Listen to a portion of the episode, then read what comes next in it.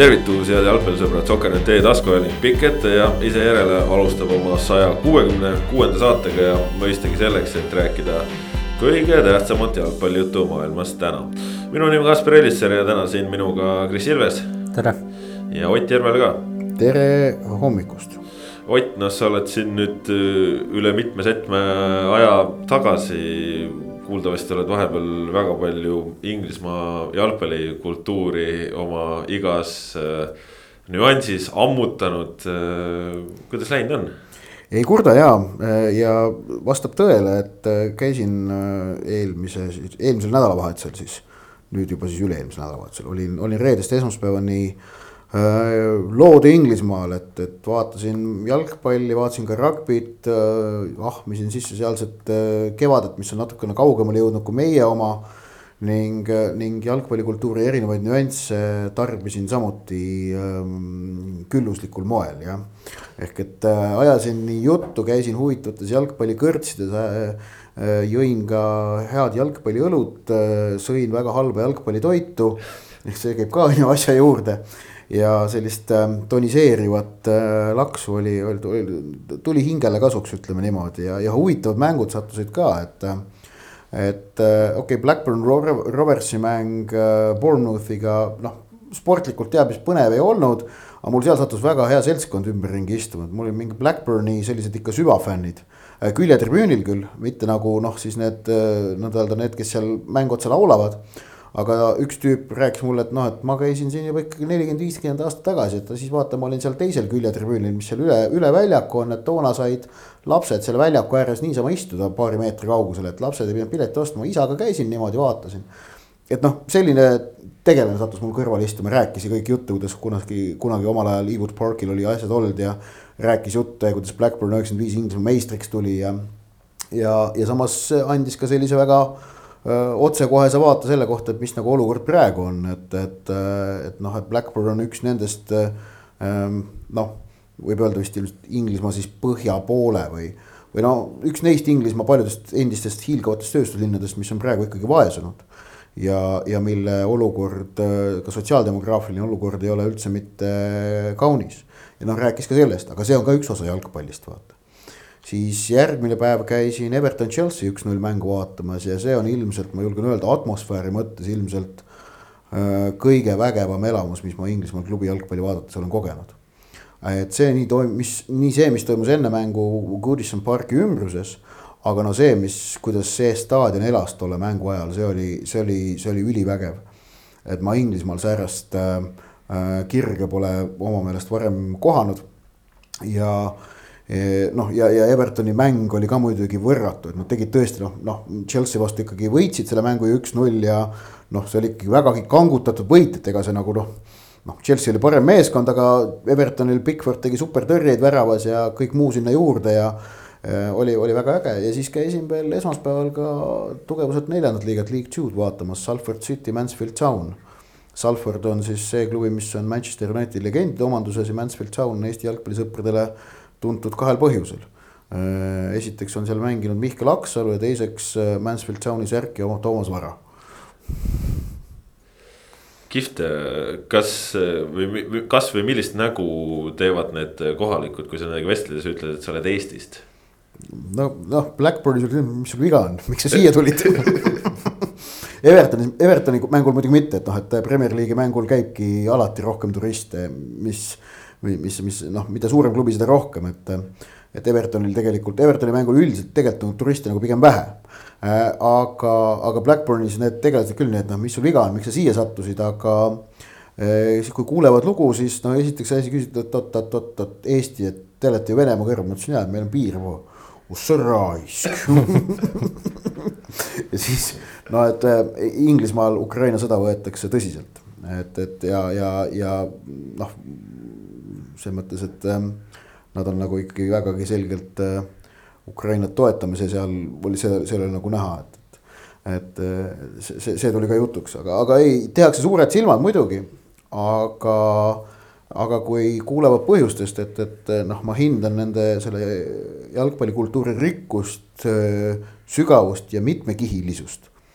siis selle peale noh, kui on natukenegi arukam vestluspartner, siis, siis ta siis, siis, siis sealt tuleb veel nagu väga palju sellist huvitavat vastu, et noh, ta, ta saab kohe aru, et mis nagu mind huvitab ja räägib lugusid selle kohta ja noh, nii see käib, sellepärast ma käingi nendel nendel, nendel reisidel, ma nimetan neid enda jaoks ikkagi kultuurireisideks, mitte jalgpallireisideks. Kris, sul oli ka vist Inglismaa jalgpalli silmas pidades vähe lõbusam nädalavahetusel, et Arsenal hakkab ikkagi juba nüüd meistrite liiga kohta juba täitsa kindlustama, jah? mitte ainult kindlustama, vaid tundub, et äh, võtab Chelsea ka ära kolmanda koha, et saab medali ka kätte. aga jah, tundub, et enam-vähem praegu asjad on jonksus, tegelikult eelmisel nädalal oli ju see Äh, Liverpool Tottenhami üks-üks, see otsustas põhimõtteliselt ära meistritiitli ja, ja ka meistrite liiga kohad, see mäng. ja Arteta lepingupikendust sina tervitasid kahe käega? jah, pigem küll. ei no Arsenalil ei ole mõistlik praegu kurssi vahetada. ei, absoluutselt nõus, absoluutselt nõus, lihtsalt siin otseallikast väga siukseid lähedasi emotsioone no eelmine nädal selles mõttes äh, oli tõesti sündmusterohke äh, ka Eesti jalgpalluritele, kes välismaal mängivad, Erik Sorga sai Rootsi kõrgliigas oma debüüdi. tõsi küll, tema koduklubi Göteborg kaotas siis Aikile, Stockholmi Aikile, Karol Metsa endisele koduklubile, Sorga seal mõned minutid lõpus teenis ja noh, Karol Metsast on põhjust rääkida teist nädalat järjest, sest kui eelmine nädal rääkisime, et kindlustas äh, Šveitsi meistritiitli, siis nüüd lõi Zürichi eest ka esimese värava võidumängus, nii et. seal ei olnud teine ka kaugele. jaa, et Karol Mets on heas hoos ja, ja seda on äh, kihvt tõdeda. ja Sorga debüüt ju tegelikult äh, vaata, et Rootsi, kas on kõige selline suurem staadion Friends Arenal. jah, ja see on ju isegi lausa koondise mängupaigaks seal, et no ja loodame, noh, ma sellest debüüdist esialgu liiga palju ma, ma ei, ma ei pea seda teab mis oluliseks sündmuseks, et äh, Sorga, sest see, see juhtus ikkagi selgelt liiga hilja, et Sorga läks juba talvel sinna ja ta pole. ta pole, ta pole siiamaani veel Allsvenskanis polnudki minuteid saanud, et, et ma arvan, et äh, et eh, noh, see ikkagi olukord praegu on allpool neid ootusi ja lootusi, mis olid talvel, kui Sorga klubiga liitus. ootaks võib-olla mingi algkoosseisu debüüdi ära või siis vahetusest mingeid säravaid esitusi. ja no mis on positiivne, võib-olla ongi see, et, et kui ta on seal duubleist pidanud mängima, et siis ta on seal neid väravaid löönud ja, ja ka väravasööte andnud ja noh, see siis, et ongi, et kui sa ei hakka seal mossitama, vaid, vaid mängid ja tõestad ennast, siis noh, see toob võib-olla siis ka teistpidi mingi võimaluse on ju, et loodame, et Sorga on A-koondislane. et ta ei ole meil, ta ei ole noor ja lootustandev mängija enam, ta on A-koondislane, kes peaks ikkagi noh, välismaal. tegusid tegema. jah, et, et, et noh, et. eriti olukorras, kus Rauno Sappen on ka vigastatud praegu. jah, et see ei ole niimoodi, et me, me siin nüüd nagu noh, ülbitseme ja paneme paika, et noh, miks ta ei tee aga see on nagu noh, see siiras mure Eesti jalgpalli vaatevinklist, et. et kui meie mängijad välisklubides ei suuda läbi lüüa, siis noh, see, see paratamatult mõjub tervele Eesti jalgpalli eneseuhkusele negatiivselt, et samamoodi vastupidised näited mõjuvad hästi, et noh, see, mida Mattias Käit on Rumeenias teinud, see on väga, vägagi kaunis olnud, Märten Kuusk alustas samamoodi Ungaris ju tegelikult väga hästi Uipestis, kuni ta vigastada sai et, et meil on sellest talvest ka noh, häid näiteid olemas, aga, aga kahjuks Sorga näide on üks see, kus nagu see üleminek ei vähemalt seni ei saa öelda, et oleks olnud mängija jaoks õnnestunud jah, et ta peab seal kõvasti rügama ja tõestama, et. Õnneks klubi tegi temaga pika lepingu, et Sorga on võetud sinna pika plaaniga. et see on nagu noh, asja siis nagu plusspool aga jah, et oleme ausad, et kõrgliigas me ikkagi eeldasime ja arvasime, et mitte kui ta põhikoosseisu mees on, et aga ta nagu ikka saaks regulaarseid minuteid, aga noh. Kolm minutit, see on, see on vähe ikka ja no tuleme Eesti jalgpalli asjade juurde ja, ja kahtlemata nädala üheks tippsündmuseks oli neljapäevane FC Flora ja Paide linnameeskonna karika poolfinaal, mis siis noh, Flora jaoks tähendas võimalust jõuda finaali, kus ju mullu tunnistati Levadia paremust, ehk siis pole siin Floral ka neid karikavõite nüüd iga aasta tulnud, on ju. ja Paide jaoks tähendas siis äh, võimalust äh, jõuda ise finaali ja lõpuks sinna ka jõuti, normaalaeg null-null, lisaaeg null-null ja penalti seerias siis viis-neli võit Paidele. Äh, noh, Paide nüüd siis äh, selle lükke tegi ära, et, et kui siin Ott juba ka millalgi kuid tagasi ütles, et, et võib-olla Paide jaoks oleks tead targem, et finaalis mängib Flora, et siis Paide ütleme, otsustas ikkagi, et äh, võtab enda peale kogu otsustusvõimaluse. no toona oli, oleme ausad, toona oli Paidega hoopis teistsuguses hoos ja, ja noh. ma väidan lihtsalt toona, kui ma seda, selle, ma ei rõhutan, see oli siiski nali, aga kui ma seda nagu ütlesin. siis oli asjade reaalne seis see, et noh, et noh, Flora oli selgelt Paidest ikkagi üle, no ikkagi väga-väga selgelt praegu me nende eelmise nädala põhjal enam seda rääkida ei saa, et kaks korda mängiti, kaks korda mängiti viiki. noh, ühel korral oli penaltiseeria, teine kord ei olnud. Ehm, ja noh, mis Paide jaoks minu meelest nagu kõige tähtsam ikkagi on see, et mis, mis on erinevus varasemaga. on see, et äh, Paide on oma kaitse saanud pidama. Paide on kolm, kolm nulli mängu järjest teinud. Äh, korra Kalevi vastu, okei okay,, ja nüüd kaks korda Flora vastu järjest, saad kakssada kümme minutit Florat hoida kuival. see on kõva sõna ja see, kuidas Ragnar Klavan mängis need kaks mängu ja eriti minu meelest, kuidas ta mängis selle eilse meistriliiga mängu. Äh, see oli vägev, äh, tegelikult Ragnar Klavan oli eilse mängu parim mängija minu meelest, noh väga selgelt, see, kuidas ta kaitses, võttis initsiatiivi, lõikas vahelt Flora rünnakuid, see oli väga muljetavaldav. ja, ja nüüd see Paide, mida me nägime nendes mängudes Floraga, just see kaitsesüdikuse mõttes, jah, ründeteravust oli, oli teatud olukordades veidikene vähe, aga selle lisamine, ma väidan, on lihtsam kui kaitse korda saamine ja kaitse oli ju Paide jaoks hooaja esimeses äh, faasis probleem, selge probleem. nüüd on nad äh, selle paika saanud, vähemalt nende mängude põhjal paistab ja ma usun, et Paidel on põhjust minna väga julgelt äh, vastu nii mängudele Levadiaga kui ka siis lõpetuseks sellele karikafinaalile, mis nädal aega hiljem ootab jah, kus on vastas kas Kalju või Narva. Ja no Paide selles mõttes tõesti on äh, transformeerunud, lausa võiks öelda see, millist südikust näidati, noh, tegelikult ju oldi ju ka varem seda südikust näidatud aga ma arvan, et see neljapäevane karika poolfinaali võit äh, emotsionaalselt oli üliülioluline. seda oli näha ka mängijate ja Paide inimeste sellistest äh, reaktsioonidest, emotsioonidest.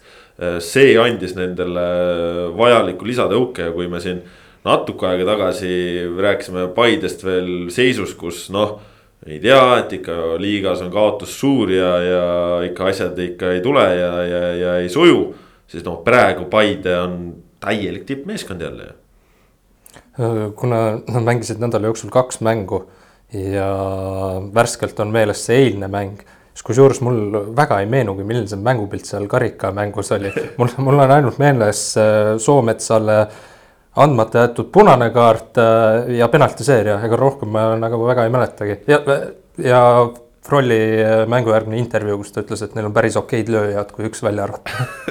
No tegelikult selles mõttes äh, ega ütleme, et kumbki mäng ei olnud nüüd maailma kõige sündmust rohkem, äh, selles mõttes pole imestada, et kui ta sulle esimese hooga ei, ei kangastu, sellepärast et siin ka neljapäeva õhtul tribüünil olles äh,. tribüünil olevad inimesed olid päris mitmel poel sellise näoga, et noh, et jalgpalli mängitakse ja tore on, aga et huvitav, et kas väravaid ka täna midagi tegema peavad või, või mitte, et. et ega võimalusi ei olnud kummalgi eriti palju, mis eh, tegelikult teise nurga alt eh, peegeldaski seda. kui hea distsiplineeritusega kaitsefaasi mängiti, Ott kiitis Klaavanit eilse eest, mulle väga meeldis Klaavan neljapäeval, et. et Klaavanist on Paide puudust tundnud, aga noh, see millise kvaliteediga ta tuleb, millise rahu ta toob kogu liini.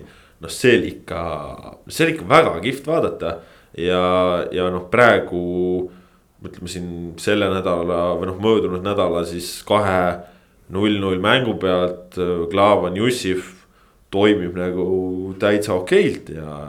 ja, ja noh, Paide on praegu tulnud ikka vägevalt äh, vägevalt selles mõttes mängu tagasi, et, et ma arvan ka just äh, psühholoogilise poole pealt nad on tänaseks nüüd noh, kardinaalselt teistsuguses seisus, kui nad olid nädal aega tagasi, et oleks nad poolfinaalis kaotanud, oleks siin liigas võib-olla mingisugune sammakas tulnud, noh, siis oleksid ikka need küsimused üle, üleval. praegu Paide tekitab kuidagi kindlustunnet. aga see, et äh, kummaski mängus väga palju võimalusi olnud, siis võib-olla tasub ka silmas pidada, et oli vist äh, mõlema meeskonna jaoks neljapäeval esimene murumäng ka. et küll. Äh, nüüd kaks murumängu järjest, et võib-olla natukene see kuidagi mõjutas just mõlema meeskonna ründemängu. ja no muidugi nendest Paide mängudest äh, rääkides ei saa mööda vaadata ka Mihkel Aksalust äh, penaltiseerias üks tõrje ja, ja siis oli nii hirmus seal, et äh, hirmutas pürgi ka ära. ja, ja eile ka veel liigast ka Zenjovile penaltitõrje Aksalu seal taga on ka ikkagi noh, ülioluline ja, ja see kogemus, just see Aksalu Klaavan liinil, noh, see tundub, et liidab seda äh, Paidet nagu veelgi terviklikumaks, jah, et muidugi seal oli kogenud mehi varasemastki, võistkonna kapten Andrei Frolov ja kes on selline äh, igiliikur ja selline emotsionaalne sütitaja seal. aga, aga just see jah, et nagu täiendav rahulikkus veel seal tagaliinis, et see seda on nagu päris nagu kihvt olnud vaadata. samas Flora, noh, ütleme, et äh, kui nüüd siin mingi aeg tundus, et ikkagi Flora on nagu väga lennukas, et nad siin liigas panid ju ka äh, võidult võidule. ei suutnud keegi neid kuidagi maha või rivist välja lükata, siis nüüd eelmise nädala kaks mängu ikkagi selles mõttes nagu üllatuslikult, et äh, isegi kuidagi nagu nadivõitu Floralt, et, et äh, mina olin jah, isegi. ma ei tea, ma eeldasin, et kasvõi eilses mängus, et nad Paide vastu pärast seda poolfinaali kaotust tulevad nagu kuidagi erilise tuhinaga ja noh. no üks meist tuligi mingis mõttes tulidki jah, et Hendrik Ojamaa tuli vahetusest ja noh, ikka väga kiirelt äh, sai punase kaardi, et see jäigi nagu täitsa. müstiline. täitsa arusaamatuks, seal vist tõsi, tuleb ka vist Frolovi kiita, kes vist umbes nagu igas olukorras nagu natukene nii kui nagu moment mööda läks seal nagu ütleme nii, et aitas kaasa ka siis sellele sihukesele noh, emotsiooni tekkimisele. aga, aga noh, see, mis leegiga Ojamaa tuli, noh, see oli ikkagi no ei saa öelda, et ebatavaline, sest eks ta on alati selline. aga, aga ühel hetkel, et ta nagu, nagu juba aru ei saanud, et kui jõukesel jääl ta on. See... ta vaata, ta ongi, et ta tavaliselt ta tegelikult äh, tajub seda piiri väga hästi. Äh, äh, seekord midagi ei klappinud, äkki oli mängupaus põhjuseks, mis tal ikkagi selge selja taga oli. ja, ja, ja seekord jah, läks, läks üle piiri, mulle väga meeldis see, kuidas kohtunik Juri Fischer ei allunud tegelikult Paide survele ja, ja Paide poolsetele provokatsioonidele, et, et igasugune varasem teine kollane kaart Ojamaale nendes olukordades oleks olnud talle liiga tegemine. aga sealt, kus see tuli, oli õige. üks vist varem ei, oli ka ei, äkki või võib-olla ma ei no, mäleta, aga. vaata need, vaata, vaata see on see, et, et äh, ei olnud ükski nendest vigadest, mida pärast, mis ta tegi pärast esimest kollast ja enne teist kollast, ei olnud väärt seda teist kollast kaarti. see oleks olnud nõrk kohtuniku töö, kui oleks antud see varem, anti õigel hetkel, siis kui ta tegi selle vea, mille eest ta pidi teise kollase saama. jutt sellest, et Florale ei anta punaseid, see on täielik bullshit. Flora ei olegi teinud, et Flora viimane punane oli kaks tuhat üheksateist vist premium-liigas, aga Flora mängibki puhtalt ja, ja seda ja seetõttu nad ei olegi punaseid kaarte saanud ning seda tõestab muuhulgas ka eurosarjade kaartide hulk vaadake, kuidas, kuidas, kas ja kui palju Flora eelmine hooaeg Euroopas äh, kaarte teenis, ta teenis tegelikult vähe. ja, ja see on ka hea näide sellest, et Flora mängibki tegelikult puhtalt aga see Soometsa olukord karikamängus, see oli küll punase kaart, tundus küll päris punane kaart, see, ma ei mäleta, kellel ta seal sisse lendas. Palumetsale. aga see on võib-olla see videokohtunik või see vist oli karikamäng, karikamäng. ei ole videokohtunik, vot ei tee sellest mitte midagi. karikamäng ei ole jah, videokohtuniku raames äh, aga noh, selles mõttes äh.... videokohtuniku osas ma ütlen ka ühe asja, mis mind häirib siin on see, et mingi, mingi, mingi on tekkinud mingi seltskond, kes arvab, et seal seal saab nüüd kõik asjad selgeks teha, ei saa, ei peagi. Äh, seal tehakse teatud valik olukordades selgeks ja sealt peab igaüks suutma ise edasi nagu mõistusega järeldada ja, ja noh, see ei ole mingi koht, kus meil kõik, kõik kohtuniku otsused koheselt äh, noh avalikuks tehakse ja, ja kõik, kõik peensusteni läbi käiakse, ei. see on nagu noh, mingi hulk otsustest, mille pealt inimesed peaksid suutma aru saada paremini, miks kohtunikud, äh, kuidas kohtunikud tööd teevad ja miks nad neid otsuseid sellisel moel langetavad äh, et. Äh, ja sarnaseid olukordi pole mõtet nagu just, mitu korda teha. ja, ja, ja no mingid asjad, mis, mis on nagu mingid jah, just mis on ilmselged, noh näiteks siin see äh, oligi ju Kalju Levadia mäng, kus seal sululiselt värav löödi, noh et me ju pärast mängu juba ütlesime, et suluseisust värav löödi, et no mis sa siis seal nüüd kaks nädalat hiljem seda uuesti ütled, et suluseisust värav löödi, et noh. siukseid asju tuleb ette, on ju. Äh, ja no igatahes äh, Flora noh, selles mõttes reageeris, et suutis kümnekesi ikkagi väga tummiselt mängida. ja, ja noh, Paidel tõesti tegelikult ju äh, selle vähemuses, vähemuses Flora vastu nagu väga häid momente ei tekkinudki. ja Flora teine poolega oli hea, oleme ausad ja, et äh, jah, nii palju sellest mängust äh, igatahes siis või nendest mängudest. Paide on nüüd siis karikafinaalis. aga kellega Paide karikafinaalis mängib, vaat seda me ei tea veel, seda me ei saa veel nädala lõpuni teada, sellepärast et Nõmme, Kalju ja Narva Trans pidid mängima möödunud kolmapäeval äh, siis Kaljus puhkes gripilaine, mäng lükati edasi selle nädala kolmapäeva peale ja siis lükati eh, see mäng veel edasi selle nädala pühapäeva peale, kui Trans ja Kalju oleksid pidanud liigas mängima. Ja see liigamäng lükati kuskile teadmatusse kaugusesse. Eh, ja selles mõttes nüüd ei teagi, kellele, kui hästi see olukord lõpuks mõjub, et noh, Kaljule kindlasti hästi, et Kalju on siin saanud end terveks ravida ja, ja nädalavahetusel juba mängisid äh, Tartu Tammekaga ka. tõsi, seal osad äh, põhimehed veel sekkusid vahetusest ja, ja kõik päris ei mänginud ka. aga said Tammekule võidukirja. samal ajal Narva Trans on, on päris kehvas seisus, aga eks sellest jõuame ka veel rääkida, igatahes see edasilükkamine. jälle siis noh, sihuke huvitav, et kõigepealt natukene ja siis veel natukene ja, aga noh, kihvt on siis vähemalt see, et nüüd kuna Paide on finaalis, siis äh, karikafinaal kahekümne esimesel mail mängitaksegi väga selgelt eurokoha peale, et kes ja, võidab. sellest tuleb väga hea mäng, mäng. Pole vahet, kas seal on siis äh, Paide vastaseks Trans või Kalju. aga jah, igatahes siis noh, praeguse seisuga, kui siin nüüd enam midagi ei muutu, siis pühapäeval äh, selgub siis teine finalist ja mänge veel on siin äh, edasi lükatud äh, oluliselt äh, meeldivamatel põhjustel, et FC Flora siis kohtub reedel Kiievi Dinamoga sõprusduellis heategevuslikus mängus.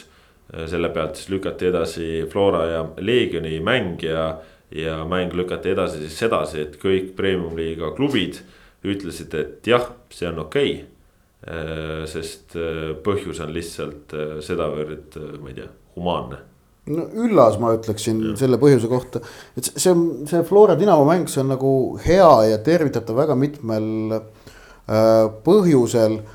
noh, mis neist põhjustest kõige tähtsam on, vot seda on isegi keeruline öelda, aga noh, hakka, hakates neid põhjuseid lugema ülesse, siis äh, no see on, see on ilmselgelt, Kiievi Dinamo on üks Ukraina sümboleid äh, selle üle võib vaidlema hakata, kuivõrd suur, kuivõrd tähtis, aga ta ikkagi on noh, Ukraina üks olulisi sümboleid äh, Euroopas. noh, ta on, sest et ta, ta, ta on, ta on esindanud äh, Ukrainat Euroopas ikkagi väga pikalt, et Donetski Šahtar on tõusnud siia mängu sisse ikka oluliselt hiljem. aga Kiievi Dinamo mängis juba ju üheksakümnendate lõpus tegelikult meistrite liigas korra isegi poolfinaalis, kui Andrei Ševtšenko ja äh, ja seal, seal mängis ja, ja Rebrov oli ka vist toona veel rivis ähm,. nii et, nii et see on üks asi, et, et ja, ja Dinamo äh,, kuna ta on Ukraina jaoks üks oluline sümbol, tema võõrustamine on tegelikult Eesti jalgpalli jaoks äh, austus, noh au, auväärne asi. see, see on, see on, see on meie, meie au, et me, me saame neid võõrustada äh, see aitab kaasa Ukraina jalgpallikoondise valmistumisele mm valikmängudeks, mille, kuhu nad peavad valmistuma teatavasti olukorras, noh, mis on täiesti noh, kirjeldamatult äh, ebanormaalne äh,. ma mõtlen sportlikult ebanormaalne äh,. see aitab äh, loodetavasti ma, ma tahaks loota, et see pakub mingisugust tröösti nendele ukrainlastele, kes on sõja eest põgenenud Eestisse. saavad tulla oma meeskonda, oma riigi ühte meeskonda siin vaatama äh, A Le Coq Arena'l ma arvan, see on neile selline emotsionaalselt äh,, tahaks loota, et see, see pakub mingit tröösti. see noh, Flora enda jaoks, ma arvan, see on äh, sportlikult hea väljakutse, mis kulub ära, eriti arvestades, et hooaja e-, alg-, hooaja ettevalmistusfaasis Floral ju paar sõpruskohtumist jäid ära treeningmängu seoses erinevate tervisejamade ja reisipiirangutega. et siin on nagu väga palju positiivseid nüansse, mis selle mänguga on seotud ja, ja ilmselt kõige suurem on ikka see sümboolne žest et, et Eesti, Eesti ja Ukraina mängivad koos jalgpalli, et jah, sellel on heategevuslik nüanss on juures. aga see sümboolne väärtus on, ma arvan, selle mängu puhul kõige suurem. ning otse loomulikult äh, selle tõttu Premium-liiga mängu edasilükkamine. noh, igaüks, kes selle üle midagi nagu kobiseb, see on, on küüniline inimene ja no ütles Jürgen Enn ka samamoodi siin eile, et, et see mäng annab nendele võimalust oma taset tõsta, sest noh, vastane on. on väga tugev ja noh, praeguses maailmas, kus me elame, noh, see on, see on tõesti mõistetav, et ma saan sellisest eh, premium-liiga mängu edasilükkamisest nagu kakssada protsenti paremini aru kui, kui sellisest, et meil siin on jälle haigused ja lükkame ja lükkame ja lükkame. noh, samal ajal kui endiselt Eesti koondises oli eelmisel aastal Märten Suka. mitte midagi ei ole, Märten, mul sinu vastu, aga sa mängid Tabasalus, äh, et noh. jah, äh, nii palju sellest igatahes saame siis näha reedel see mäng äh, toimub ja, ja, ja nagu öeldud, siis kogu piletitulu, mis äh, teenitakse, annetatakse Ukraina heaks. ja nii ongi. liiga juurde tagasi tulles, siis äh, äh, juba põgusalt sai mainitud ka, Nõmme Kalju mängis Tartu Tammekaga pühapäevasel päeval Tartu Tammeka oli päris mõnusa tuhinaga mängule peale tulnud, läks juhtima ka, võitis esimese poolaja. aga teisel poolajal tuli riietusruumist välja ikkagi hoopis teise olemisega Nõmme Kalju. ja Nõmme Kalju siis põhimõtteliselt kahe minutiga pööras mängu ringi ja, ja siis veel seal lisaminutitel vormistasid lõppseisu ka. aga noh, selles mõttes äh, Kalju noh, praegu ikkagi on hoolimata siis oma haiguspuhangust on nagu väga heas seisus, et on neli mängu on järjest võetud, nelja mängu jooksul lasti omale esimene värav lüüa alles. et Nõmme Kalju siis noh, mänguliselt on sel aastal ka ikkagi täitsa nagu suures mängus sees. selle kolm-üks võiduga võib öelda, et jälle Kalju näitas sellise, mida nad on sel hooajal mitu korda näidanud, tugeva meeskonna tunnusmärke et kui on korra raske, siis nad suudavad äh, mängu jooksul äh, mingid korrektuurid teha ja ümber pöörata, seda oleme siin mitu korda rääkinud ka Levadia kohta, kes on saanud need teise, teise poole väravatest üks-null võidud kätte, aga Kaljul samamoodi. Äh, kui korraks on raske, siis suudetakse reageerida ja, ja oma punktid kätte saada. olgu see kas ilus või, või kole mängupilt, aga sellises olukorras punktid kõige tähtsamad ja pigem mängis Kalju teisel poolel ka väga hästi. ja teisel poolel oli tõesti, Kalju mäng oligi hea, et kui esimesel poolel oli kahe võrdse duell. Äh, kus siis äh, Tammeka mingitel episoodidel suutis nagu väga hästi Kalju teatavaid nõrkusi ära kasutada ja noh, see, kuidas see värav välja mängiti, et kui palju seal oli igal Tammeka mängijal ruumi, noh see ilmselt Edi Cardosa on selle juba üle vaadanud ka ja, ja omal märkmed kirja pannud. väga aeglaselt käis, seal oli nagu aegluubis liikumine oli ka seal, et. et noh ta,, Tammekal oli seal nagu aega sättida ka. Henri väljal oli aega seda söötu lükata just, just, ikka niimoodi just. kõigile nii palju ruumi jah. jah, ja noh, ja mitte ainult ruumi ei olnud palju, vaid aega oli ka nagu palju kõigil. jah, et äh, aga jah, see, et, et Kalju tuli ja noh, kokkuvõttes siis ikkagi võttis oma ära, et, et see et see näitab jõudu ja samas rääkisin seal pärast mängu ka mõne Kalju mängijaga, nad ütlesid ka ikkagi, et. et kõik, kellel see haigusvimm sees käis, et ikkagi gripp tundus hullem, kui oli koroona, et täitsa ikka siruli tõmbas ja. ja seal veel eilegi kõik mehed ei, ei tundnud ennast päris nagu siukse särtsaka ja, ja mõnusana, et jah, huvitav on, on jälle see, et ka Nõmme Kalju on meil liigas jälle see esimene meeskond, kes siuksed äh, äh, paugud kätte saab, et kui koroona tuli, siis äh, oli Kalju esimeste seas nüüd gripiga. eks näis, kas gripp saab teised ka kätte või, või, või mitte, noh igatahes äh, igatahes sihuke seis Tartu Tammekal nüüd neljas kaotus järjest. kui seni on siin üheväravalised kaotused tulnud mängudes, kus on hästi esinetud, siis, siis nüüd tuli selgem kaotus ja, ja noh, Miguel Santos rasked mängud on ka olnud selles mõttes rasked vastased. rasked vastased on, Miguel Santos eile oli siis rahulikumat laadi. tema sai siis vahepeal jalgpalliliidult ka hoiatuse oma selle tiraadi eest, Tartu Tammekas sai sada viiskümmend eurot trahvi. et äh, see olukord äh, ka, noh, Santos on nüüd siin mujal rääkinud, et et tol hetkel, kui ta tiraadiga esines, siis ta isegi ei teadnud, et Eestis pole kohtunikud profid ja, ja. küsimus, miks, miks Tartu Tammeka ei ole oma peatreenerit selliste andmetega nagu varustanud tegelikult? no ei tea, no igatahes nüüd ta teab. no nüüd... ei, ei no jaa, ei noh, no see on jah, et äh, et, et selle noh, välistreeneri keskkonnaga tutvustamine. nojah, Dmitri Kalašnikovil pole enam vaja seda, ta, ta on siin niivõrd palju töötanud, aga tegelikult noh, välistreeneri briifimine kõikide nüanssides, mis puudutavad sul kohalikku jalgpallielu, see peaks olema klubi teha jah, jah, no igatahes äh, mulle tundub, et vist äh, see kolmapäevane vestlus äh, Jalgpalliliidu arendusdirektori Mihkel Uibolehega ilmselt viis selle teadmise sinna Tartusse, no mine tea, võib-olla Tartus ka kõik ei teadnud, et mm, -hmm. et ei ole, igatahes noh, sellega ütleme need olukord lahendatud, olukord möödas ja, ja noh, kokkuvõttes see Santose värv, mille ta tõi, see oli ikkagi nagu hea. Ja ei, okei okay,, ei, see oli see, selle vastu üldse ei vaidle, aga, aga huvitav on see, et, et need äh, asjad, mille ta tõstatas siis äh,. ka tolles mängus äh, oli siis Floraga pärast seda. just, jah. et, et tal ei olnud mitte üheski asjas õigus no.. Äh, et, et kohtunike osakonna analüüs, analüüs näitas, et äh, et Tammekale tolles mängus kuidagi liiga ei tehtud. ja noh, see oli mul, minu enda tunne juba ka mängu vaadates, aga no eks see oligi mingid asjad äh, moodustasid mingi sündmuste ahela on ju, et äh,. ja no igatahes Tartu Tammeka noh, nüüd on äh, Taio Tõniste ja Sander Puri ka saanud koos mängima ja.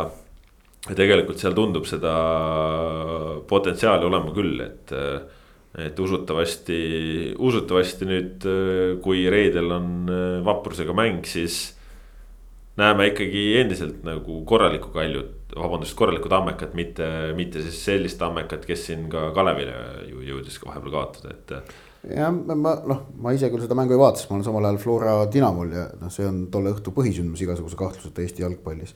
aga nüüd vaadates tabelisse natukene, siis äh, noh, rääkisime Kaljust Kalju puhul tuleb rõhutada, et neil on säilinud kontakt ikkagi liiderduoga, et nad jäävad Levadiast ju maha ainult kahe punktiga ikkagi kaheteistkümne vooruga, kui meil on kolmandik äh, meistrivõistlusi mängitud.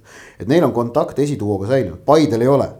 Paide punktisaldo on kakskümmend kaks, mis tähendab, et nad on noh, teisel kohal asuvast Levadiast maas üheksa, Florast koguni kaksteist punkti. Paide on praegu ikkagi üpriski omaette seal neljandal kohal mm, aga noh, ei ole kindlasti välistatud, et nad suudavad selle kontakti liidergrupiga taastada samas pärast seda, kui nad olid kaotanud Kuressaarele, tekkis nagu korraks mingi isegi variant, et äkki neid nagu tõmmatakse sinnapoole hoopiski. siis nüüd Kuressaare omakorda ju kaotas Pärnu vaprusele ja, ja ikkagi endiselt paistab, et see Kuressaare, Narva, Tartu, Tammeka moodustavad selle keskmise kolmiku. Äh, Kure on seal praegu küll juhtkohal, aga ma endiselt näen jah, ausalt öelda ka, et, et Tammeka tundub sellest kolmikust tegelikult kõige suurema potentsiaaliga viienda koha mõttes. et, et, et nii koos noh, noh koosseis on hea ja, ja Miguel Santose nagu töö toimib ka, et, et Tammeka minu meelest noh, ta on muutunud hooaja edasi liikudes üha stabiilsemaks seda kindlasti jah. ja, ja see, see on nagu asi, Kuressaare puhul me näeme praegu sellist ikkagi äh, kõikumist. et kui võidad Paidet, aga kaotad Pärnu vaprusele, see ei ole loogiline. ja, ja noh, tagumises pundis, kus on vaprus, Leegion, Kalev et Vaprus sai küll teise võidu kätte, aga noh, kõige tegelikult kõige, kõige südikam neist on ikkagi Leegion, tuleb möönda, et, et ma ise ennustasin neile hooaja alguses viimast kohta. Äh, tõsi, mööndes, et see võib nagu osaliselt tulla administratiivsetel põhjustel. aga noh, tegelikult noh, ka Leegioni võit Transi üle, see on muljetavaldav tulemus. ja noh, Vaprus siis tõesti üllatas äh, Kuressaaret, Kalju kohta veel see ka mainin ära lihtsalt, et et kui Kalju sotsiaalmeedias avaldati imestust, et Kaspar Paur ei saanud aprillikuu parima mängija auhinda, siis ka minus valmistas see imestust mm,. et sama. kas Kaspar Paur ikkagi tegi fantastilise aprillikuu ja, ja see oli jah, huvitav. no äkki ei soovitud äh, pahandada hella hingega Levadia funktsionäre, noh, me teame, et mõned on seal sellised väga tundlikud tegelased et, et kuidas oleks noh, et kui Levadia oleks ilma jäetud, et siis noh, võimalik, et äkki. mitte, et Vassiuk oleks halvasti mänginud aprillis, vaid lihtsalt äh, Paul. siis me anname, kuule kui me, kas me valime parimat või me ei vali parimat, kui me valime, kui me ei vali parimat, siis anname, anname välja kümme auhinda, tubli töö aprillis no.. ma tahtsingi öelda, et mitte, mitte, et Vassiuk oleks halvasti mänginud, aga Paur selgelt äh, kerkis aprillis teistest rohkem esile yeah,. Yeah. no ta ikka jah tassis Kaljut päris korralikult ikka nendes mängudes, absoluutselt nõus aga noh, reaalsus on see, et meie ei vali, on ju, et äh, meie teeme sümboolset koosseisu, kus Kaspar Vaur on olemas, lähipäeval saate lugeda ka, et. et äh, jah, nii, nii ta sellega on, aga. Äh, et noh, tegelikult noh, kuu parimate auhinnad ja, ja vist teeb Premium-liiga teeb ka neid oma neid vooru sümboolseid. et noh, kuu parimate auhindade puhul tegelikult loogika on see, et mida, kui sul õnne, kui, kui sul on valida kaks võrdset siis sa valid äh, nõrgema ja vähem prominentsema võistkonna, on see siis treener või mängija. see on selliste auhindade loogika tegelikult peaaegu alati. Äh, seda muuseas rakendavad mitte ainult Eesti kõrgliiga, vaid seda tehakse ka välismaal samamoodi. ja, ja noh, mitteametlikult ma olen kuulnud, Eesti tehakse samamoodi, et noh, et kui on nagu, kui on nagu tegelikult nagu noh, kaks võrdset varianti laual ja oletame näiteks üks on, võtame näiteks on, on, on Levadiast ja teine on Tammekast näiteks. no siis noh, loogiline on see, et sa võtad Tammeka oma, eelistad ja see on, see on, see on selliste auhindade loogika puhul täiesti nagu mõistlik, sellepärast et äh, tegemist on äh, noh, tegemist on tegelikult ju ikkagi sellise promoväärtusega asjaga.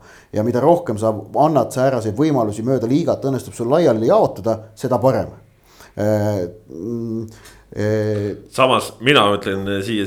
kui sul on kaks võrdset, ma rõhutan, kui üks on parem siis sa võtad selle parema, aga kui noh, kui, kui see, kes iganes seda auhinda otsustab, kui ta vaatab tegelikult noh, kaks võrdset siis sa võtad sealt selle nõrgema satsi oma, see on loogiline aga praegu, praegu siis on see, et noh, oletame, et, et selle noh, et kuidas nagu näha, et Vassiuk oli Paurist parem. vot seda mul nagu see, see mõistusega kokku ei lähe. no mul endal tundub, et see on jälle mingi sihuke Instati indeksi teema, mis noh, ei ole. Instati indeks unustage ära. no just. See, see ei ole normaalne asi, mille järgi midagi vaadata just, nõus sellega, absoluutselt. ja kõikvõimalike sümboolsete koosseisude puhul tuleb alati silmas pidada ka seda, et see võistkond oleks kaitseründe mõistes tasakaalus. ehk et see, et sa tahad sinna võimalikult palju ründavaid mängijaid sisse toppida. niimoodi, et sa paned äh, kolm ründajat, siis paned kaks sellist peaaegu ründajat äärtele, ründava poolkaitse keskele. selliseid sümboolseid koosseise ei tohi mitte kuskil avaldada jah, eh, nii on, eh, ühesõnaga see teema ka nüüd eh, nii palju veel. selle üle ma veel hakkan lamenti lööma siin, ärge arvake, et sellega kõik veel läbi see, see tekitab, see tekitab jalgpallilist rumalust ja lollust. ja nõus, nõus nõus aga jah, siin põgusalt Vaprus siis sai oma hooaja teise võidu lõpetasid nad Kuressaare kolmemängulise võiduseeria seal võib-olla tähelepanuväärne fakt selle kõrval, et Kuressaare nüüd ikkagi täitsa ära lagunes. oli see, kuidas Hendrik Vainu lasi Otto Robert lipul värava lüüa, et äh, ootamatu, viivitas siis äh, palli korjamisega. ootas, ootas, ootas, Otto Robert Lipp ise ütles ka, et ta tegi nagu läheks lonkides sellele olukorrale peale, et noh, Vainu las ta siis viivitab ja siis viimasel hetkel nõelas tegi paar väledat sammu, teatavasti lipusammud on väga väledad võttis palli ära ja lõi tühja väravasse, et sihuke. väravvahtide ametiühingu liikmena võin öelda, et. on veel, juhtunud. ma olen, ma olen veel hullemaid kohti teinud, nii et see, see pole midagi, te pole midagi näinud. jah, sa ei mängi ka premium liigas ega ole seda teinud, et. jah, see on tõsi. see on, see on sihuke eristav faktor, aga. Õnneks jah, no mis veel, Leegion sai siis ka võidu kätte Äh, Tartu Tammeka üle. Äh, mis Leegion sai võidu Narva Transi üle, vabandust jah, Narva Transi üle sai üks-null võidu, Trans on nüüd äh, kuus mängu järjest kaotanud. Kris vist luges välja, et viis mängu nad pole ka väravat löönud. jah, ja no selles mõttes äh, noh. väga nagu huvitavaks on see seis läinud, kui tegelikult ju Leegioni vastu ka Trans mängis äh, sedasi, et nad väärisid sealt oluliselt rohkem, et nad olid väga aktiivsed Nendel oli korralikult pealööke, Projomov seal raiskas ja, ja mõned teised ka. ja, ja noh, siis lõpuks saadki siukse seisu, et mis seisus see Trans nüüd enne seda karika poolfinaali on, noh. emotsionaalselt kindlasti võiks paremas olla. ja, ja ilmselt ka füüsiliselt selles mõttes, et äh, see karikamängu edasilükkamine ühest küljest annab võimalusi. nüüd mõnel mängijal võib-olla vigastusest taastuda ja terveks saada. samas siin Leegioni vastu Kevin Aaloe põhivasakkaitse sai Eh, reie vigastuse, ei teota liiga head, on ju, et äh,. Trans, kes tegelikult ju üliägedalt mängis hooaja alguses, on nüüd kuidagi nagu väga sihuke musta auku sattunud. Äh, Kalju oli, kui see välja tuli, loosimine toimus, et äh, minnakse Transiga vastu, Transiga karikas vastamisi, oli siis favoriit, aga nüüd on selles mõttes, arvestades neid äh, Transi muresid, selge favoriit ma küll ei näe, kuidas, okei okay,, see ühest mängust sõltub, aga väga ei näe, kuidas Trans selle mängu võiks võita. no muidugi noh, arvestades, et tegelikult nagu mängu kui sellist on nagu enam-vähem olnud, noh siis ja teades, et Narva. mäng on Kreenholmil äh,. ei ole, pidi olema Kreenholmil, aga nüüd, kuna Äh, Kreenholmil pidi olema see liigamäng, siis nüüd ta on ikkagi Fama staadionil mängitakse, sellepärast et karikas alguses mingi edasilükkamisega pidi olema kunstmurul ja siin ta-ta-ta-ta-ta-ta. oota, aga miks Flora Paide karikamäng mängiti naturaalmurul? no mängiti jah. mis kuradi jura see on? ma ei saa aru sellest päris täpselt. ühesõnaga see Kalev Famal oh,. et äh, see jah no tegelikult mingit, oleme ausad, igasugune see muru ja kunstmuru osas praegu mingisuguse tasakaalu või õiglase tasakaalu leidmine on niivõrd lootusetult paigast ära juba praegu meil siin läinud, et, et sellest nagu rääkimine võiks nüüd jalgpalliliit võiks selle nagu tervenisti ära unustada, sellepärast et noh, et noh, ei ole mõtet enam. see on, see on lootusetult paigast ära niikuinii. lihtsalt tuleb nagu noh, tuleb, ongi mõistlik ilmselt minna siis nagu väljakuid vahetada, kui see lihtsalt vajalik on et mingit nagu sellist õiglase kohtlemise printsiipi, me ei saa sellest enam rääkida ju no ei saagi ja sellepärast eh, mina, mina ei mõista ka neid mängude pidajate edasilükkamisi, mis on ka mingi nii-öelda fair play vaimus tehtud. sellepärast, et noh, ei ole fair play vaimus, keegi ongi, nüüd on keegi uus vigane, keegi saab vahepeal terveks. noh, kogu aeg on kellelgi mingisugused probleemid, et see jah, jalgpalli nagu tuleks mängida siis, kui ta on ette nähtud ja see loob mingisuguse struktuuri ja süsteemi, aga noh, see. selleks, see on minu arvamus pelgalt ja, ja ega eks targemad inimesed teavad, kuidas parema neid asju teha, aga jah, Leegion noh, selles mõttes nüüd ei ole enam tabelis viimase koha peal. et kui sealt veel need miinuspunktid maha võtta, siis oleks seis lausa ilus nendel juba, et et äh, Leegion praegu pressib ja surub ja noh, põhimõtteliselt ikka vist iga mäng mängib ikka maksimumi äärel, et sihuke potentsiaal, mis on, võetakse ikka kogu aeg välja. ja selle eest tuleb neid kiita. E, mis veel, noh, muru, purust rääkisime, muru peale mindi ka Kadriorus. E, Kadriorus mindi sellise muru peale, mille kohta e, Vladimir Vassiljev, Levadia peatreener ütles mängu järel, et, et nad tema käis juba päev varem seda, seda platsi vaatamas ja noh, et kui oleks mänguinspektor ka päev varem seal käinud, siis ilmselt ei oleks lubatud seal mängida, sest noh, see väljak lihtsalt no ei olnud valmis. ja, ja ütles ka Brent Lepistu, et väljak oli kohutav ja, ja väljak oligi kohutav. Daniel Meiel, Kalevi eh, kaaspeatreener möönis samamoodi, kui küsisin talt, kui palju see väljak äh, neid aitas, et, et nad suutsid sedavõrd hästi Levadiale vastu panna. siis ütles, et noh, muidugi aitas, et, et kui seal pall ikka põrkab, siis no ründajatel ongi seda keerulisem äh, võrku lükata. Äh, aga noh, murudega on nagu on, et staadionid kuuluvad tihtipeale omavalitsustele ja, ja eks nendega toimetatakse nii nagu toimetatakse, et et meil siin Eestis on äh, väga erinevalt, et mõnel pool on väljakud väga ilusad rohelised, mõnel pool ongi sellised kollased, mõnel pool on äh, liivakasti meenutavad, et noh.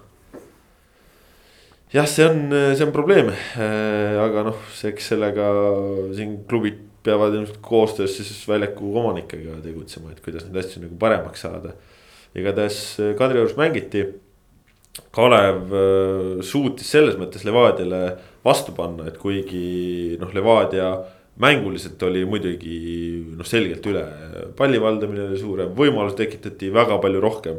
siis äh, Kalevil olid ka omad variandid.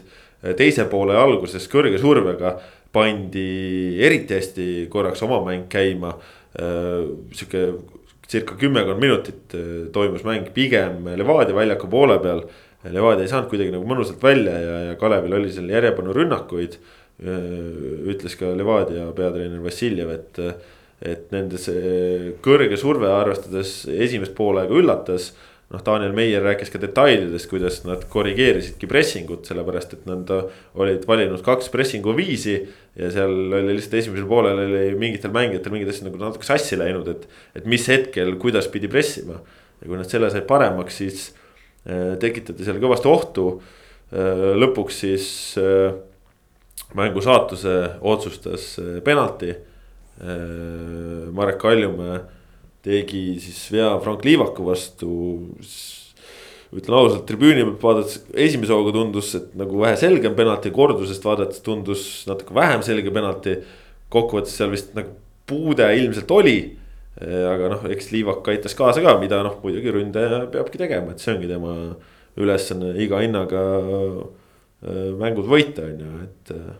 ma olen sada protsenti nõus, oli vist pühapäevases stuudios Marek Lemsalu, kes endine kaitsemängija, kes kommenteeris seda olukorda ja, ja ütles, et kaitsja eksimus, et ta läks seda jalga välja sirutama ja, ja kui seal juba mingisugune kontakt ongi, siis see on, see on kaitsja viga, kaitsja mängis, mängis halvasti selles olukorras.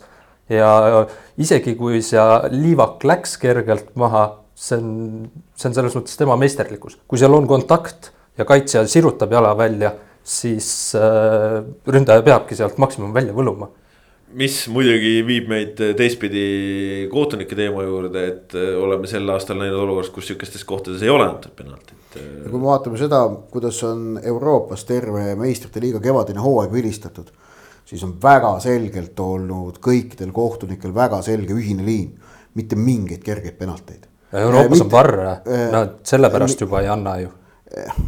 ei, aga nad ei vilista ka neid väljakul ju no vilistavad ikka saab, ei, ei, no ei ole see varriga seotud no,. see, see noh, varr, varr tähendab ju seda, et kui sa penaltit ei anna ja varr määrab, siis ja. see on kohtuniku eksimus. see on kohtuniku eksimus, kohtunik selles mõttes, tema ikkagi. varr määrab, varr soovitab. just, et tema peab ikkagi tegema no,. kohtunik vilistab ikka nii, nagu just, ta vilistab. aga, aga, aga ma ütlen, noh, mitte mingeid kergeid penalteid, see on selge suunis, mis on Euroopa jalgpallis võetud. ja see tegelikult, kui vaadata, kas see on nagu meistrite liigas põhjustanud mingisuguseid noh, ma ei tea, skandaale, probleeme, ei ole.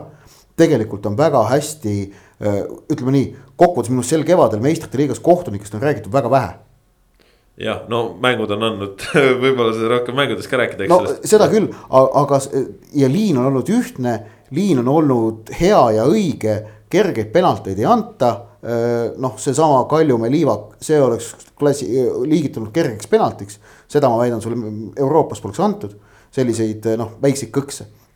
ja, ja noh, et, et, et, et see on lihtsalt üks asi, mida tahtsin jah tähelepanu juhtida ja noh, seal äh, tegelikult oli noh, selles mõttes Kalev, küsisin ka pärast mängu Daniel Meielilt, et noh, kas.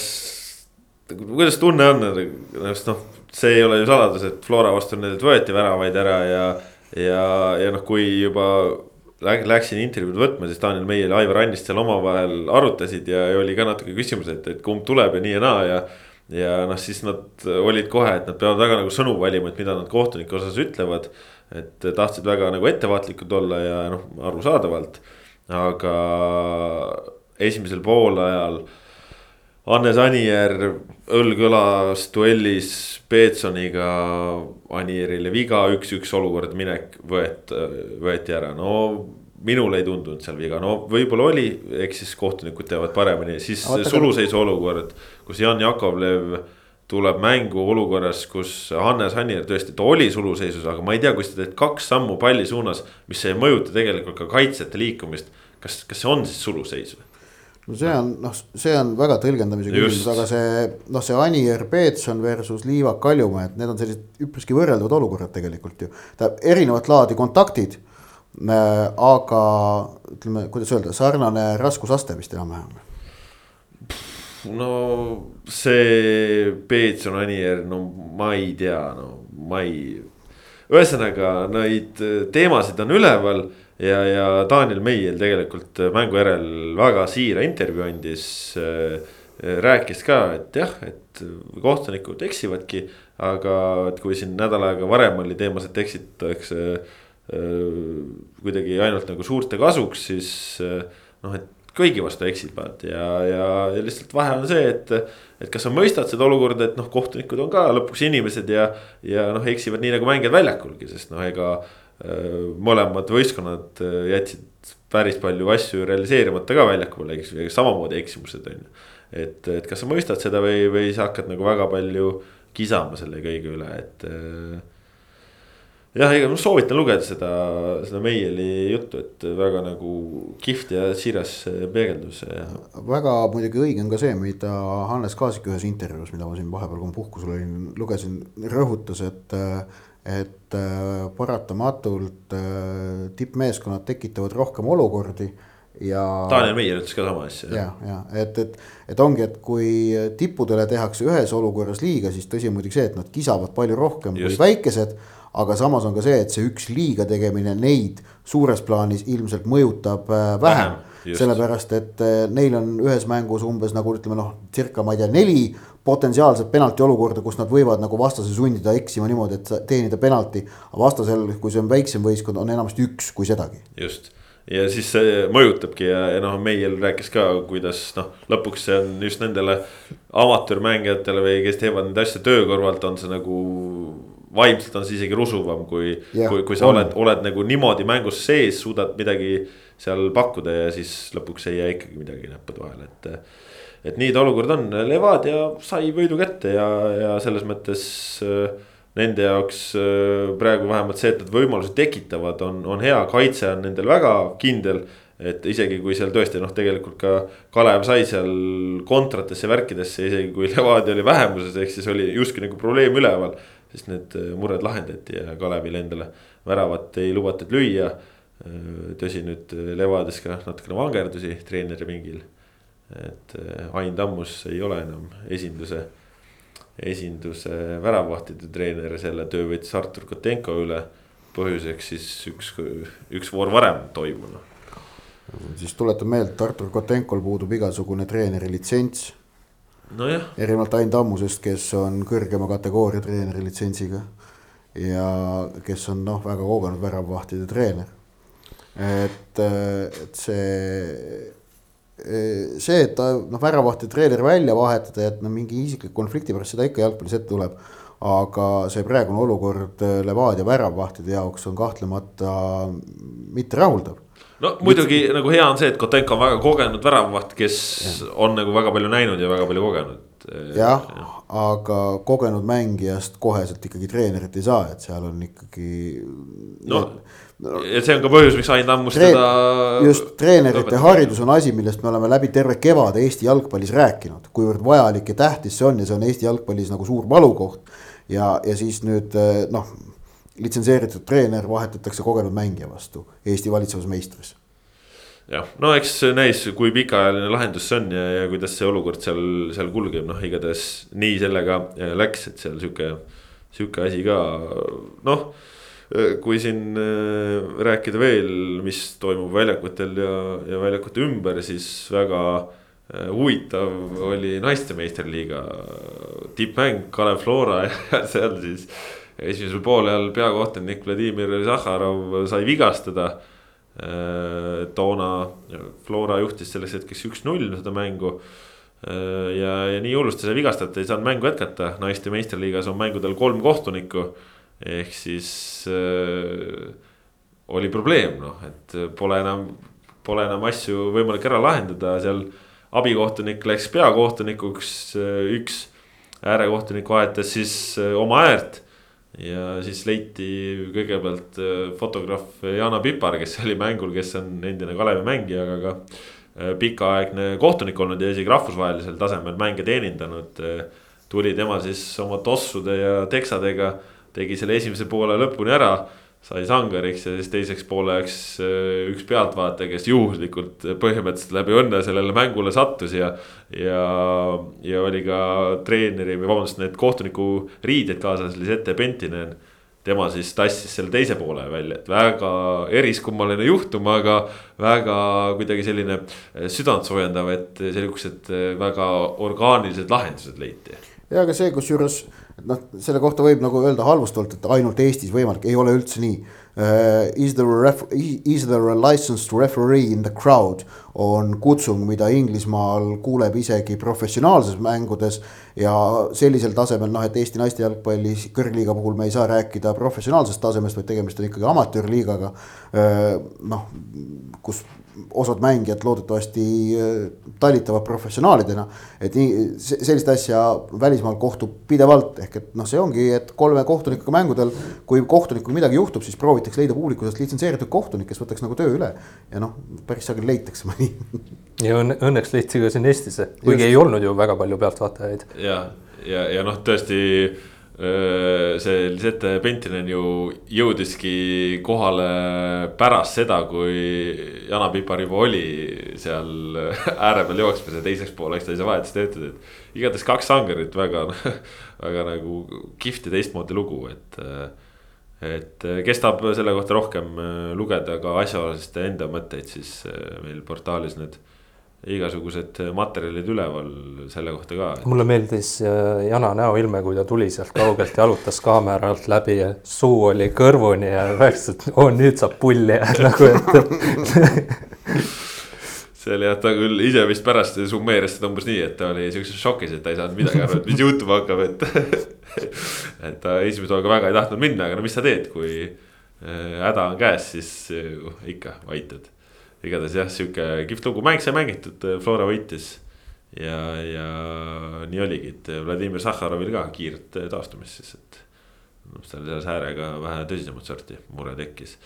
aga natukene veel rahvusvahelist jalgpalli ka siia saate lõppu, meistrite liiga mängiti ka meil möödunud nädalal äh, sellises faasis, et nüüd on meil teada finalistid ja finalistid on Real Madrid vastu kõiki ootuseid ja, ja Liverpool, et äh, Real Madrid, kes kaotas võõrsil Manchester City'le.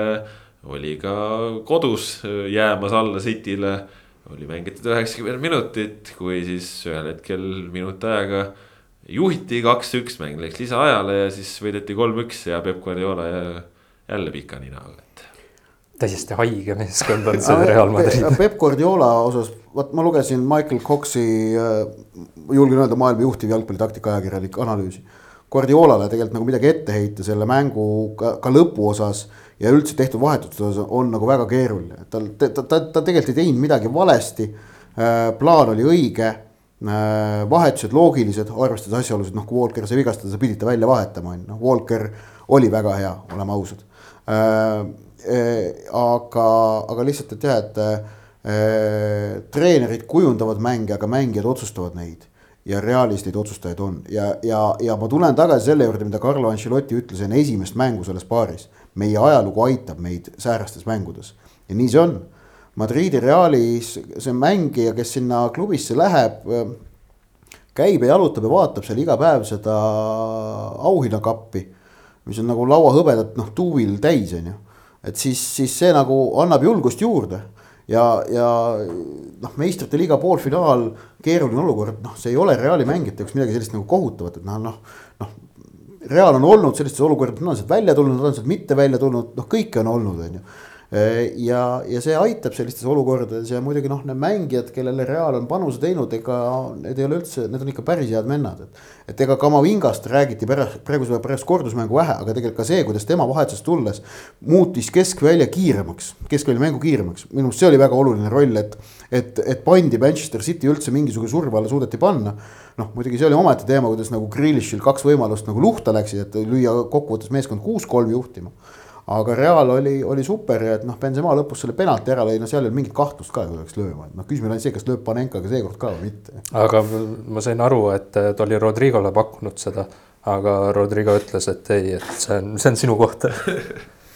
Et Rodrigo oleks siis hat-trick'i saanud Mida... sellise asja peale sellisel hetkel ei mõtle mitte keegi, noh, noh jah, jah. no Rodrigo oli ju oma isale lubanud, et ta lööb kübaratriki piirdus ainult kahega, et mm. ütles, et äh, siis kolmas tuleb finaalis, et äh, ei no hull mäng ja. ja noh, ma ise äh, vaatasin ka seda mängu ja siis ütlesin sõpradele, et kui Real üheksakümnendaks ühe tagasi saab, et küll siis lisaminutitega jõuab veel lüüa, noh täpselt nii läks. nii oli jah, aga tegelikult oli väga äge ka ikkagi teine mäng, teise paari kordusmäng, äh, Via Real Liverpool. ma ütlesin vastu kõiki ootasin, ma olin Via, Via Realis nii kindel, aga noh, muidugi see, et noh, teisel poolel sai jaks otsa, sellest oli kahju, aga. aga see, mis no, esimesel poolel tehti, no kaks-null paned Liverpoolile. ei no, no Liverpool mängis ilmselt äkki oma hooaja kõige kehvema poole. ja Van Dijk vaatab väljaku peal ringi, et kuulge, et millega me tegeleme noh. noh, Liverpool ei saanud ju esimene poolek mitte millegagi hakkama Nad olid väga-väga halvad. muidugi see, kuidas Liverpool suutis nii nüüd kordusmängus kui ka avamängus vaheajaga äh, tuua mängu kardinaalse pöörde, see on muidugi noh, näitaja Liverpooli väga kõrgest tasemest äh,. et, et see on nagu väga, see oli väga muljetavaldav aga Via Real andis suurepärase lahingu, vääris täielikult poolfinaalis osalemist, mängimist. Äh, ja meenutas taaskord kõigile, et, et et äh, miks superliiga projekt on hunnik suurt-suurt äh, lehmasõnnikut ja no Unai Emeri näitas ka, et tema on ikkagi selliste karika formaadis mängude peal on tema ikka absoluutne meister ja, ja noh, see. aga no Via Reali vaata noh kui Liverpool lõi ühe tagasi, Viie-Reali oleks pidanud ole, ole, võtta nagu pingilt käigud, millega mängu muuta, noh, neil ei ole lihtsalt seda, seda jõudu neil enam ei olnud, et võtta pingilt selliseid käike, millega mängu väga selgelt muuta. ja pluss äh, jah, noh, Romero vigastus ikkagi ka ikkagi segas neile ja noh, seal, seal oli, oli muresid, aga no kokkuvõttes saime Viaplay vahendusel nautida kaks õhtut väga head jalgpalli ja. ja noh, ega finaal nüüd ka kehv ei tule, kahe tuhande kaheksateistkümnenda aasta kordus, et et seal Mo Salah juba lootis, et saaks Reali vastu, nüüd saab ka ja. ja eks siis näis, kuidas see läheb, aga. aga Viaplayst jagub ka sellesse nädalasse veel üks finaal laupäeval kaheksateist nelikümmend viis, Chelsea, Liverpool. Ott, sina seda mängu kommenteerid koos Markus Jürgensoniga, et mis sealt oodata võib? no seal on siis äh, Liverpooli esimene kondiproov. Äh, noh, tegelikult tegelikult neil ei ole varianti Inglismaa meistritiitli lootusi enne seda maha mängida. et isegi kui selle nädala keskel Man City võidaks, Liverpool kaotaks, vahe jääks kuus punkti, kaks mängu jääks alles. noh, teooria variant jääks nagu ikkagi alles. noh, ma arvan, et seda küll ei juhtu, et Liverpool nüüd nädal, et see, et see kolme punkti võrra vahe paisub. Aga no Liverpoolil see nelikvõit, millest on, mis on siin viimaste nädalatega muutunud selgelt nagu noh, tõenäolisemaks tõsi, nüüd see Liverpooli viik Tottenhamiga seda tõenäosust vähemalt meistritiitli osas veidikene vähendas. et see nelikvõit on tegelikult see, mis on praegu selle Liverpooli noh, ma väidan, ta on ikkagi natukene. Nad naudivad seda, aga samas natukene painab ka, see on harukordne võimalus. see näitab tohutut äh, võimekust, et see võistkond üldse sellise võimaluse veel maikuu alguseks on säilitanud. aga samas see tekitab ka pinget ja, ja painajaid, sellepärast et äh, nüüd, kus sellest on niivõrd palju räägitud, siis sellest ilmajäämine või eriti, kui sealt äh, jääd ilma sealt mitmest asjast, on seda, on selle võrra valusam. Äh, kujuta ette, kui, kui Liverpool peaks lõpetamagi hooaja ainult liiga karikaga, et kaotavad nüüd Chelsea'le, kaotavad meistrite liiga finaali. noh, ütleme Premier League'i osas Man City'ga on niikuinii keeruline pärast seda viiki on ju. et noh, kuidas nagu Liverpool sellise asjaga peaks leppima, et sa teed noh, tegelikult on Liverpool teinud suurepärase hooaja on ju, noh täiesti fenomenaalse hooaja. aga kui sa saad selle pealt ainult nagu liiga karika Eh, et noh, ja ei oleks nagu midagi noh, tohutut imelikku, on ju. või, või, või, või ka see, kui saada, kui sa saad kaks Inglismaa karikat, et noh, et Premier League'ist jääd ilma ja meistrite liiga finaalis kaotad Realile. kas, kas suudad sellest nagu hooajast rahulolu tunda, noh, keeruline, eks ole. ja, ja samas ja siis omaette nüanss veel on see, et, et see ikkagi see võrdlus Manchester United üheksakümne üheksanda aasta triumfiga. Liverpoolil ei ole võimalik seda korrata. Neil on võimalik ainult kas ületada või sellele alla jääda. sest et äh, Unitedil toona liigakarikat ei olnud, neil olidki Inglise karikas, meistritiitel, meistrite liiga. Liverpool äh, kas saab äh, need kolm tükki, mis United sai kätte ja neil on liigakarikas juures, ehk nad trumpavad. aga kohe, kui neil seal kolmest midagi puudu jääb, on see nõrgem kui Unitedi oma. et see võrdlus on ka huvitav Kris, kuidas sulle tundub, saab Liverpool nädalavahetusel oma ülesandega hakkama või? ma ei ole nüüd Chelsea't viimasel ajal väga palju jälginud, aga ma tean, et neil on halvasti läinud, seega arvestades, kui palju Liverpool seda nelikvõitu tahab, siis nagu Ott ütles, ma arvan, et. Nad on, nad on kerge soosik, ma olen nõus sellega, aga see mäng on ikkagi noh, viiskümmend viis, nelikümmend viis maksimum. jah no., jah, umbes küll jah ma, aga, aga ma arvan küll, et Liverpool saab selle no, karika kätte. ja meistrite liiga finaal on ka, ta, ta noh, sõltuvalt asjaoludest, mis seal nagu mängu eel võivad juhtuda, äkki kellelgi mingi vigastus tuleb, noh, keegi kukub välja. meistrite liiga finaal on maksimaalselt viiskümmend viis, nelikümmend viis, ilmselt on see vähem. noh, kelle, emma-kumma kasuks no,. ma ei tea, kumma, ma, ma, ma, ma ei kujuta ette, kumma kasuks, ma ei ole seda välja mõelnud, äkki on viiskümmend, viiskümmend. aga ükskõik, mis juhtub nagu emma-kumma koosseisus, siis need võistkonnad on mõlemad niivõrd tugevad et see on maksimaalselt viiskümmend viis, nelikümmend viis emma-kumma kasuks. ja noh, tõenäoliselt äh, no. seal läheb lihtsalt nii, et Liverpool on favoriit, domineerib mängu ja Real Madrid võidab. nagu no. kevadel näinud. vot igatahes äh, laupäeval siis Viaplay's saate FA karika finaali vaadata ja, ja meistrite liiga finaal koos teiste eurosarjade finaalidega tulevad ka kõik Viaplay vahendusel teieni sellised olid pikk ette ja isereele jalgpallijutud täna. selline oli meie saja kuuekümne kuues saade, saate tõid teieni Kaspar Elisser, Kris Ilves ja Ott Järvela. püsige jalgpallilainel, sest seda jagub ikka, adjöö